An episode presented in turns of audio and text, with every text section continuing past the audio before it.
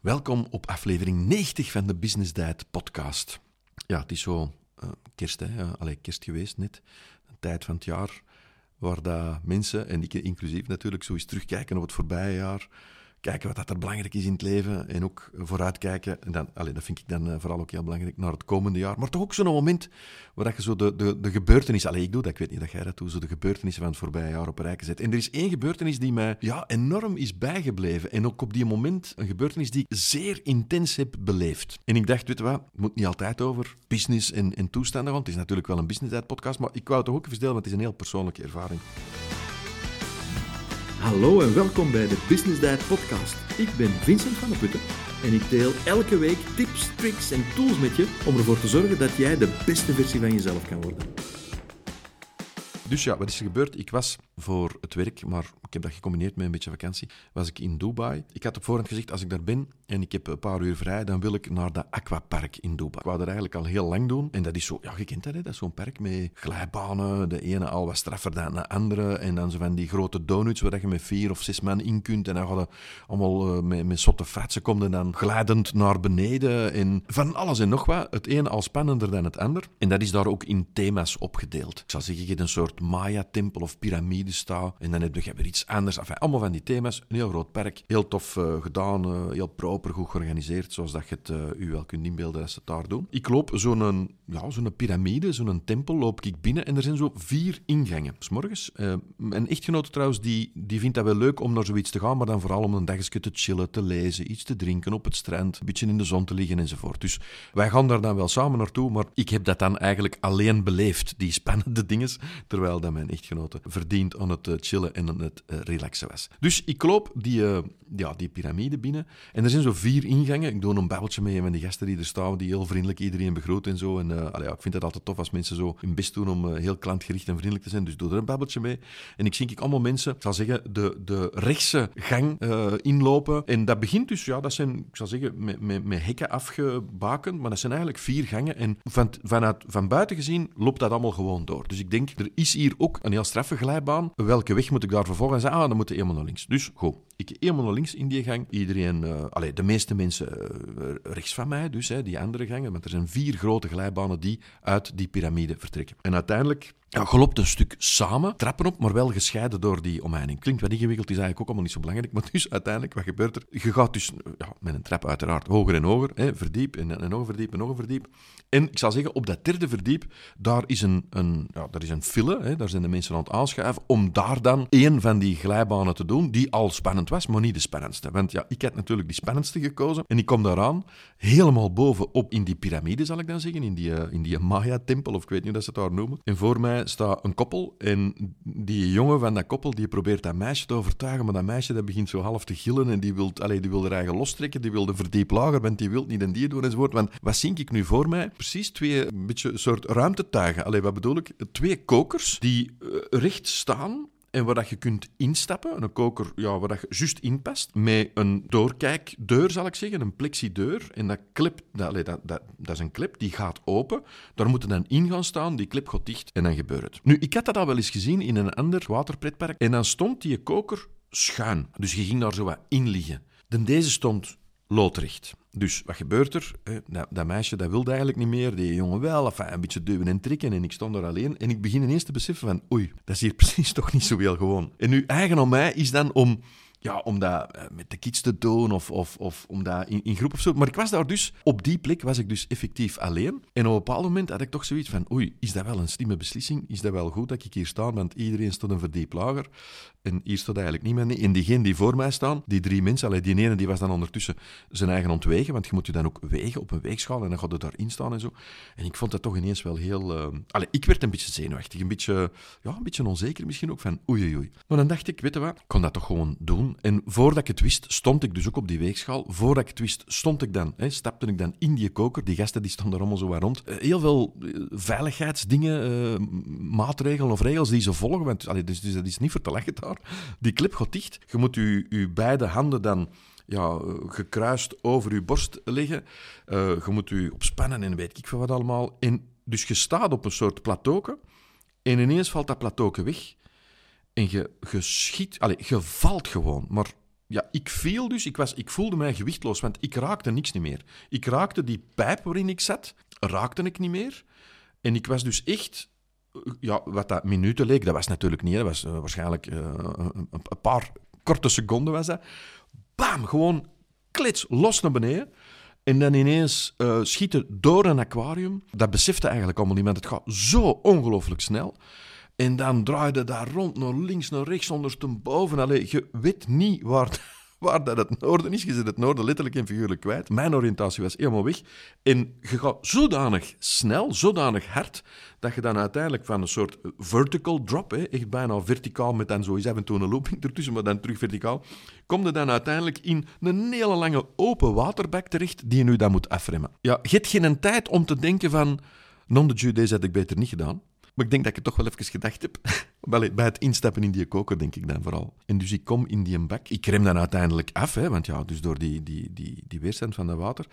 En ik stap uit, maar ja, ik stap echt zo, eh, precies zoals een, een, een zetlap uit. Zo van, wauw, wat was deze? Er stonden een paar gasten, ik denk Noren of Zweden, die ook zo keken en ook zo een soort overwinningsroes over zich hadden. En ik had dat ook. Ik had echt zoiets van, Niemand wist dat ik er was. Niemand heeft dat gezien. Maar normaal vind ik dat dan wel tof. Hè, als ik dan zoiets iets, iets straf doe, dat andere mensen dat zien. Oh ja, hè, en dan doen die dat ook. Allee, dat is zo'n heel jongensachtig iets, denk ik. Maar dus ja, ik was er helemaal alleen. En ik had direct een soort connectie met die ja, Scandinaven, zal ik ze dan maar noemen. Die paar gasten die er stonden. Zo van, yes, we did it. En dat was echt het gevoel dat mij echt ja, overkwam, zal ik zeggen. Ik had echt zoiets van, yes, I did it. Niet om het aan iemand anders te tonen, maar een overwinning op mezelf. Want één, ik heb eigenlijk hoogtevrees, of dieptevrees, ik weet niet hoe je dat moet zeggen. En twee, in beperkte ruimtes eh, kan ik ook wel eens een beetje een claustrofobisch gevoel hebben. Deze was eigenlijk op alle knopjes duwen die mij, die mij uh, ongemakkelijk zouden doen voelen. Maar ik had zo'n overwinningsgevoel. Ja, vandaar het gedaan te hebben, van niet getreuzeld, niet geaarzeld, dat te doen, overwonnen op mezelf. Ik was trots, ik was blij. Ik voelde mij precies of ik kon alles aan ik ben daar dan ook wel, weggelopen. Allee, weggelopen. Een beetje doorgestapt. Die Scandinaven die stonden daar nog wel ja, te bekomen, zal ik maar zeggen. En ik had echt zoiets. Ik, ik, ik stak mijn vuist in de lucht en ik trok dat zo naar beneden. Yes, I did it. En ik had echt zoiets van, wauw, deze is, deze is echt straf. Nu kan ik alle glijbanen hier aan.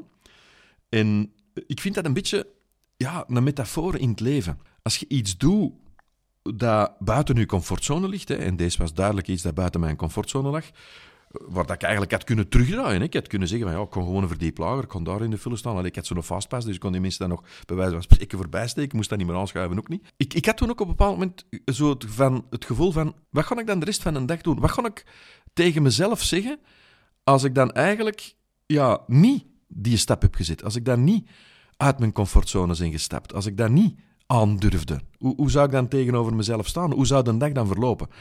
En ik dacht, ja, dat wil ik eigenlijk niet meemaken. Dus dat negatieve gevoel, dat wil ik niet. Ik wil dat positieve gevoel. En weet je wat? Even op mijn tanden bijten. Ik doe dat gewoon. En ja, ik zeg het, ik heb misschien heel even gedacht van non de als ik dat maar beter niet had gedaan. Maar dan achteraf. Jezus. En dat duurt, ik zeg het, dat duurt een paar seconden. Hè. Je denkt dat dat een eeuwigheid duurt, maar dat is maar een paar seconden. En dat is voor mij in het leven toch ook dikwijls zo. Dat, dat moeilijk gesprek dat je met iemand hebt. Dat je maar uitstelt. Die heel moeilijke beslissing die je moet maken. Die ja, die afspraak waar dat je tegenop kijkt, waar dat je geen goesting hebt om te doen. Ik, ik zeg het, die, die dingen die buiten je comfortzone liggen, misschien die een telefoon pakken en, en toch proberen die afspraak te maken met je potentiële klant om dan je presentatie te gaan geven en zo. Als dat buiten je comfortzone ligt, er zijn zoveel redenen om dat niet te doen. Je hebt zoveel twijfels in je hoofd die naar boven kunnen komen.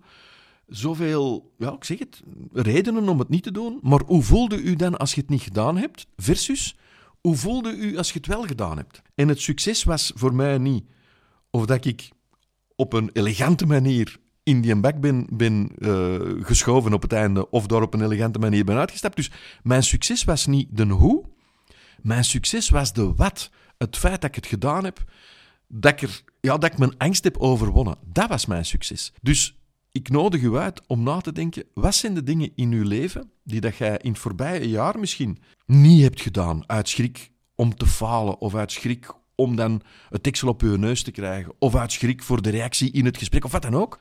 Maar besef dan dat misschien wat dat u sterker maakt, is niet hoe dat het gesprek verloopt, maar het feit dat je het doet. Dat is een overwinning op jezelf. En dat maakt u sterker. En ik kon trouwens een beetje vertellen hoe dat is verder gaan in dat, in dat aquapark. Want uw comfortzone, dat is een soort ja, dat is een soort denkbeeldige cirkel rond u. En binnen die comfortzone, ja, ze noemt dat beest om die reden ook, binnen die comfortzone voelt alles comfortabel. Op de grens van die comfortzone gaan staan, dan komt uw, innerlijk, uw innerlijke stemmen, die komen dan naar boven, die stemmetjes. En dat ene zegt van, nee, niet doen, dat is niet nodig. Hier is lekker warm, hier is het comfortabel en lot maar enzovoort. En die andere stem die zegt, kom aan, doen, doen, doen. Je gaat er beter van worden. Uit die comfortzone stappen was dan voor mij echt ja, in die koker gaan staan, met, met mijn twee gebalde vuisten uh, op mijn borstkast gekruist en dan bam, die vloer die letterlijk figuurlijk onder mij wegzakt. Maar wauw, wat een, rush, wauw, wat een, wat een, ja, ook dopamine en alles wat je wilt, maar wauw, wat een overwinning op mezelf. En dus ik nodig u uit, kijk eens naar het voorbije jaar. Waar heb je u zelf laten beïnvloeden door dat stemmetje dat zegt, blijf maar in die comfortzone? En waar heb je gezegd van nee, ik kan het toch doen? En, en hoeveel sterker, krachtiger, rijker zijn daardoor geworden door dat dan wel te doen. Weet je, ons grootste potentieel om te groeien, dat ligt niet in die comfortzone, hè? Dat ligt er buiten. Ben ik nu een betere mens geworden door, door die... Uh, ik weet trouwens de naam niet hoe dat noemt, maar het is zoiets van uh, death, deathfall of zoiets, ik weet het niet. Uh, ben ik een betere mens geworden? Nee, maar ik heb wel geleerd om mijn angst te overwinnen en dat maakt mij krachtiger, dat maakt mij sterker naar de toekomst toe. Ik, soms denk ik dan, weet als ik dat kan, dan kan ik toch alles. Ja, enfin, dat wou ik dus even met u delen. En dan het vervolg van dat waterpark. Dus ik had echt zoiets van, ja... Ja, ook voor mij heel belangrijk, dat is heel persoonlijk. Ik had zo'n beetje wel de behoefte om het aan andere mensen te vertellen. Maar ja, er was dan niemand niet aan wie ik het kon vertellen. Dus ik heb dat echt verinnerlijkt. En dat was misschien eigenlijk ook goed, want normaal zou ik dan zoiets vertellen. Maar dan door het te vertellen ben ik er een beetje van kwijt. Allee, dat is het gevoel dat ik dan heb. Allee, ik heb het nu aan u verteld, maar ik ben het nog altijd niet kwijt. Ik heb het, nog, ik heb het goed verankerd. Dus goed, de rest van de dag, wat was dat dan? Ze noemen dat een canyon of zoiets, uh, Canyon Rafting River. En dan moeten zo in, uh, in ja, een soort autoband, uh, een doorzichtige autoband, juist groot genoeg voor één persoon, moeten dan gewoon inzitten. En dan ga je door zo'n soort rivier. En ja, ik had een soort spiritueel moment of zo, ik weet het niet goed. En er zijn dus heel veel mensen in die rivier. Mensen met kinderen, mensen alleen. Ah, er zijn ook van die banden waar je met twee kunt inzitten. Waar dan, bijvoorbeeld een van de ouders van achter in die band zit en, en een van de kindjes dan uh, van voor. En die rivier, dat is de eerste keer dat ik die deed. Dan, dan had ik zoiets, oh, er zijn trage stukken, er zijn rappe stukken. Allee, op, bij de start is dat heel breed. Dat is precies een zwembad waar je gaat instappen. En dan wordt dat smal. Dan is dat op sommige plekken is dat maar oh, twee meter breed, denk ik. En op andere plekken is dat dan weer vier of vijf of zes meter breed. En op die plekken waar dat smal is, ja, dan, dan is dat zo precies ja, echt kolkend water. Dan is dat zo eh, precies onderweg naar een waterval. En ik besefte toen, allez, ik, ik heb toen ervaren dat van dat heel rustige stukje in het zwembad, waar, ik, dat met, waar ik met mijn handjes dan moest peddelen om toch maar vooruit te geraken. Er zit wel een beetje stroming in dat water, maar daar is die stroming heel weinig. Kwam ik heel snel in zo'n smal stuk en ik dacht van, wow, wat is deze? En dan dacht ik van, weet je wat? Hey, ik heb die een deathfall, of hoe noemt hem, heb ik uh, kunnen doen. Uh, ik heb ervan genoten, van het gevoel van ik kan alles aan. Deze zal ik dan ook wel aankunnen. En ineens kwam er mij zoiets naar boven van, dit is eigenlijk een soort metafoor voor het leven. Als ik kijk naar het voorbije jaar, maar eigenlijk ook naar de voorbije jaren. Mijn leven, dat is ook zo. Dat is zo een, een traag, rustig stuk waar ik dan was, waar ik heel veel mensen zie en waar ik dan zelf kan bepalen. Ik kan een paar van die mensen voorbij te steken door met mijn handjes te peddelen, bij wijze van spreken, en door dan rapper op het plezante stuk te komen, zal ik maar zeggen. En dan kwam ik in dat plezante stuk. Ja, en dan van oei, ik kan die wand raken en oei, oei, oei, oei. Maar eigenlijk is het niet oei, oei, oei. Ik heb toen gezegd van wacht even, genieten. Geniet van het moment dat je hier zei, dat het mooi weer is, dat je even kunt ontspannen, dat je even niet ontwerken bent. Dat dat, ja, dat dat ontgebeuren is. En dan die kracht van dat kolkende water. En dan op een bepaald moment draaide die een, die een band om, niet ondersteboven, maar rond zijn as, zodanig dat ik kijken was, niet naar waar dat ontgaan was, maar van waar dat kwam. En dat vond ik eigenlijk ook in die spirituele moment dat ik daar had. Voor mij was dat ook zo'n beetje het leven. Soms kijkt de voor u en dan zie je wat dat er op u afkomt. Maar af en toe, ja, en deze was dan, dat gebeurde vanzelf, ik deed dat niet, want je, kon daar eigenlijk bijna niet sturen. Dan draaide ik terug en dan keek ik van waar dat kwam. En ook dat gaf mij een goed gevoel. Zo van, zie je van waar dat kwam? Om al dat kolkende water ben ik nu doorgegaan eigenlijk wel straf. En dan heb ik toch geprobeerd mij terug te draaien om te kijken naar waar ik ging, want dat vond ik gewoon leuker. En dat leek mij ook veiliger, om toch een beetje te weten wat dat eraf komt. En dan, kom dan kwam ik weer zo ineens in een heel rustig stuk. Het te zeggen, dan kwam ik zo'n soort, onder een soort brug. En dan zag je, dat was dan breed, was zes meter breed. En sommige mensen die zaten dan zo'n beetje precies vast in, in de, de binnenkant van die bocht, want die rivier nam daar een bocht.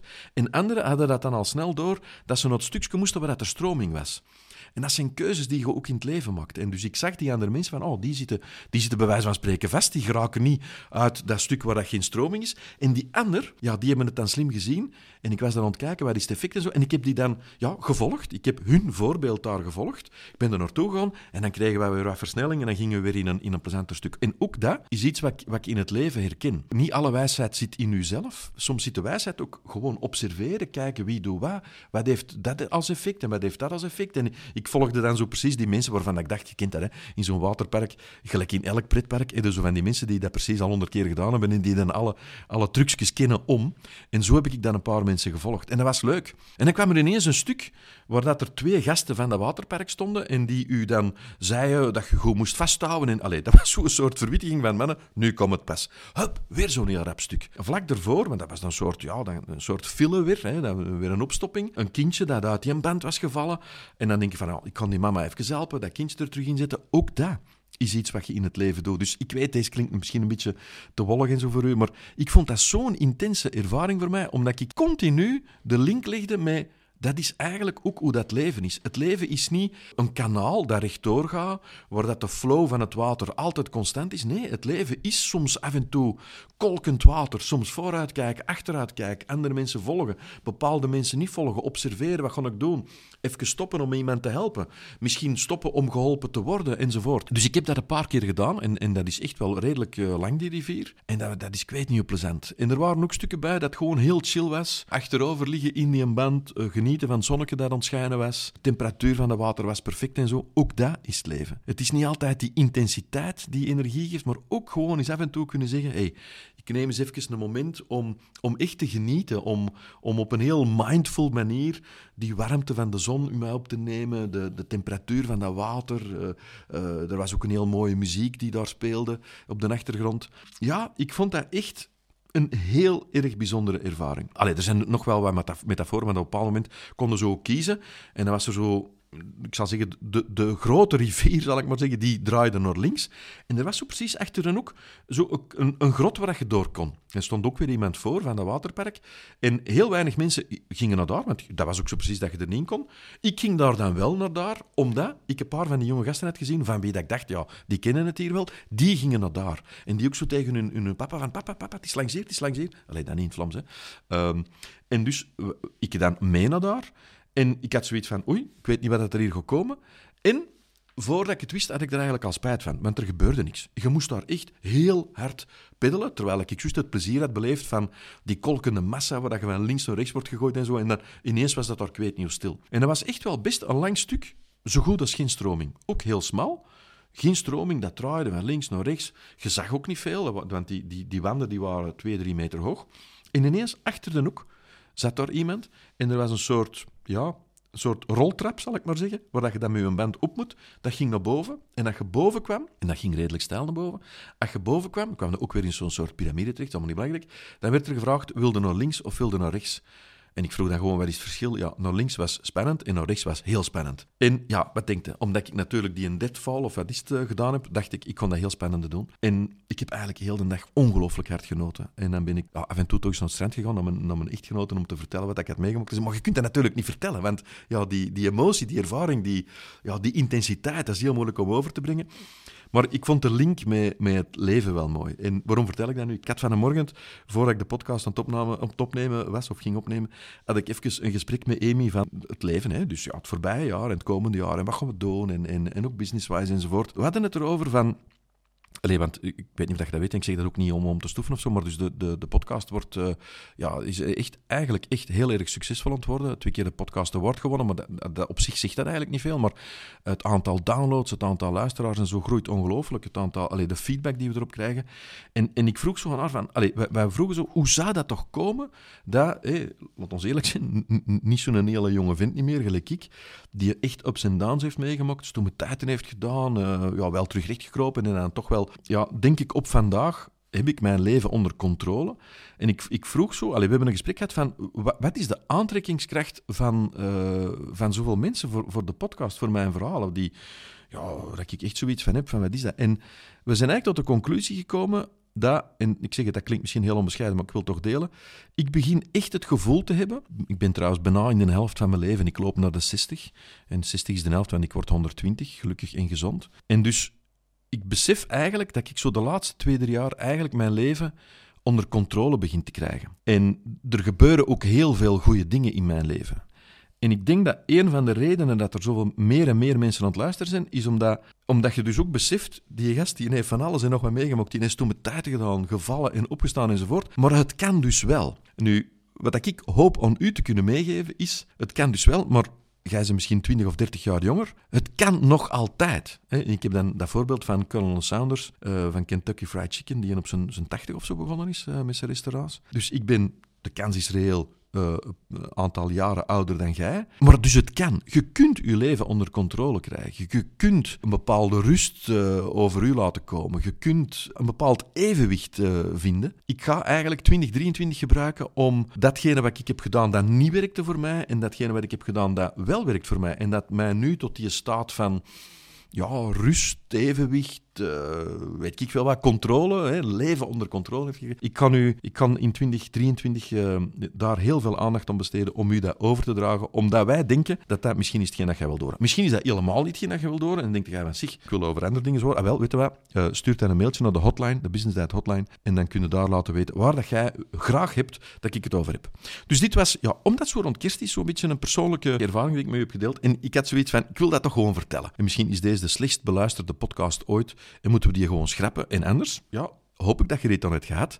Ik wens u, ja, het is te laat, maar fijne feestdagen, fijne kerstdagen. Dat is te laat, fijne feestdagen niet. Ik wens u vooral een, een fantastische toekomst. Ik kan het niet beperken tot volgend jaar, want die toekomst is niet beperkt tot volgend jaar. Ik hoop uit de grond van mijn hart dat ik u volgend jaar ook dingen kan meegeven die u dat gevoel, dat sereen gevoel van ik heb mijn leven onder controle. Mijn leven is geen chaos niet meer. Dat ik u dat kan meegeven. Dat is mijn drive met de podcast voor volgend jaar. Voor de rest, heel graag tot gauw. Ja, deze was natuurlijk een beetje een speciale podcast. En uh, misschien hebben ze ja, zoiets van, goh, ik wil toch nog eens even kunnen herlezen wat dat hem allemaal verteld heeft. Uh, ja, je weet het, hè, bij de Business Dad podcast, er hoort altijd een, eh, een blogtekst bij of een blogartikel. En daar kun je eigenlijk in terugvinden wat ik heb gezegd. Niet alle details natuurlijk, maar toch de grote lijnen. Dit was aflevering nummer 90. En dan vinden we dus ja, een samenvatting van hetgeen ik verteld heb op www.businessdad.be slash 90. En dan bedoel ik het getal.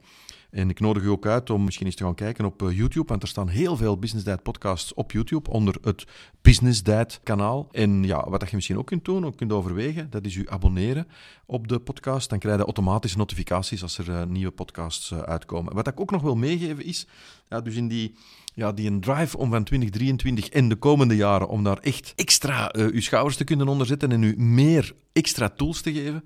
Wij hebben Business Dad Bundle met uh, vier ja, krachtige elementen in die, die u kunnen helpen om beter te delegeren, die u gaan helpen om meer te verkopen, om op een andere manier met uw team overweg te kunnen, om uw stress te beheersen enzovoort. Dat is een bundel, de Business Dad Bundle. Ik nodig u uit om daar eens over na te denken, om uzelf misschien dat cadeau te geven voor volgend jaar. Die bundel die kost normaal 149 euro. Enfin, nee, niet normaal. Die kost normaal in promo 149 euro. Maar wij hebben dus beslist, we zijn er al een tijdje mee bezig, dat is een ongelooflijk succes, om dat voor de trouwe podcastluisteraars aan te bieden aan 99 euro. Ik zou zeggen, dit is echt een moment om jezelf een cadeau te geven. Als jij zoiets hebt van, ja, ik wil mijn leven onder controle krijgen, dat heeft van alle facetten dat leven terug onder controle krijgen. Dat heeft te maken met interactie met andere mensen, dat heeft te maken met je time management, dat heeft te maken met je focus, dat heeft te maken met, ja, met je omzet die je gecreëerd of of sales die je moet genereren, of mensen overtuigen van je ideeën, wel, dan nodig ik je uit. Doe jezelf misschien een van de beste cadeaus dat je u kunt doen. En uh, ga naar uh, www.businessdiet.be slash bundel. En daar ga jij die bundel aan 99 euro kunnen kopen. Ik wens je voor de rest, zoals ik het al gezegd heb, een fantastisch eindejaar. En als je dit op een heel ander moment van het jaar beluistert, want dat kan dus, hè. niet iedereen beluistert op de dag dat de podcast wordt gepubliceerd, dan wens ik u gewoon een fantastische toekomst toe. Indien je de aflevering leuk vond, deel ze dan zeker op Instagram en tag me met business Dat doet me echt heel veel plezier. Ik wens je veel succes en heel graag tot volgende week.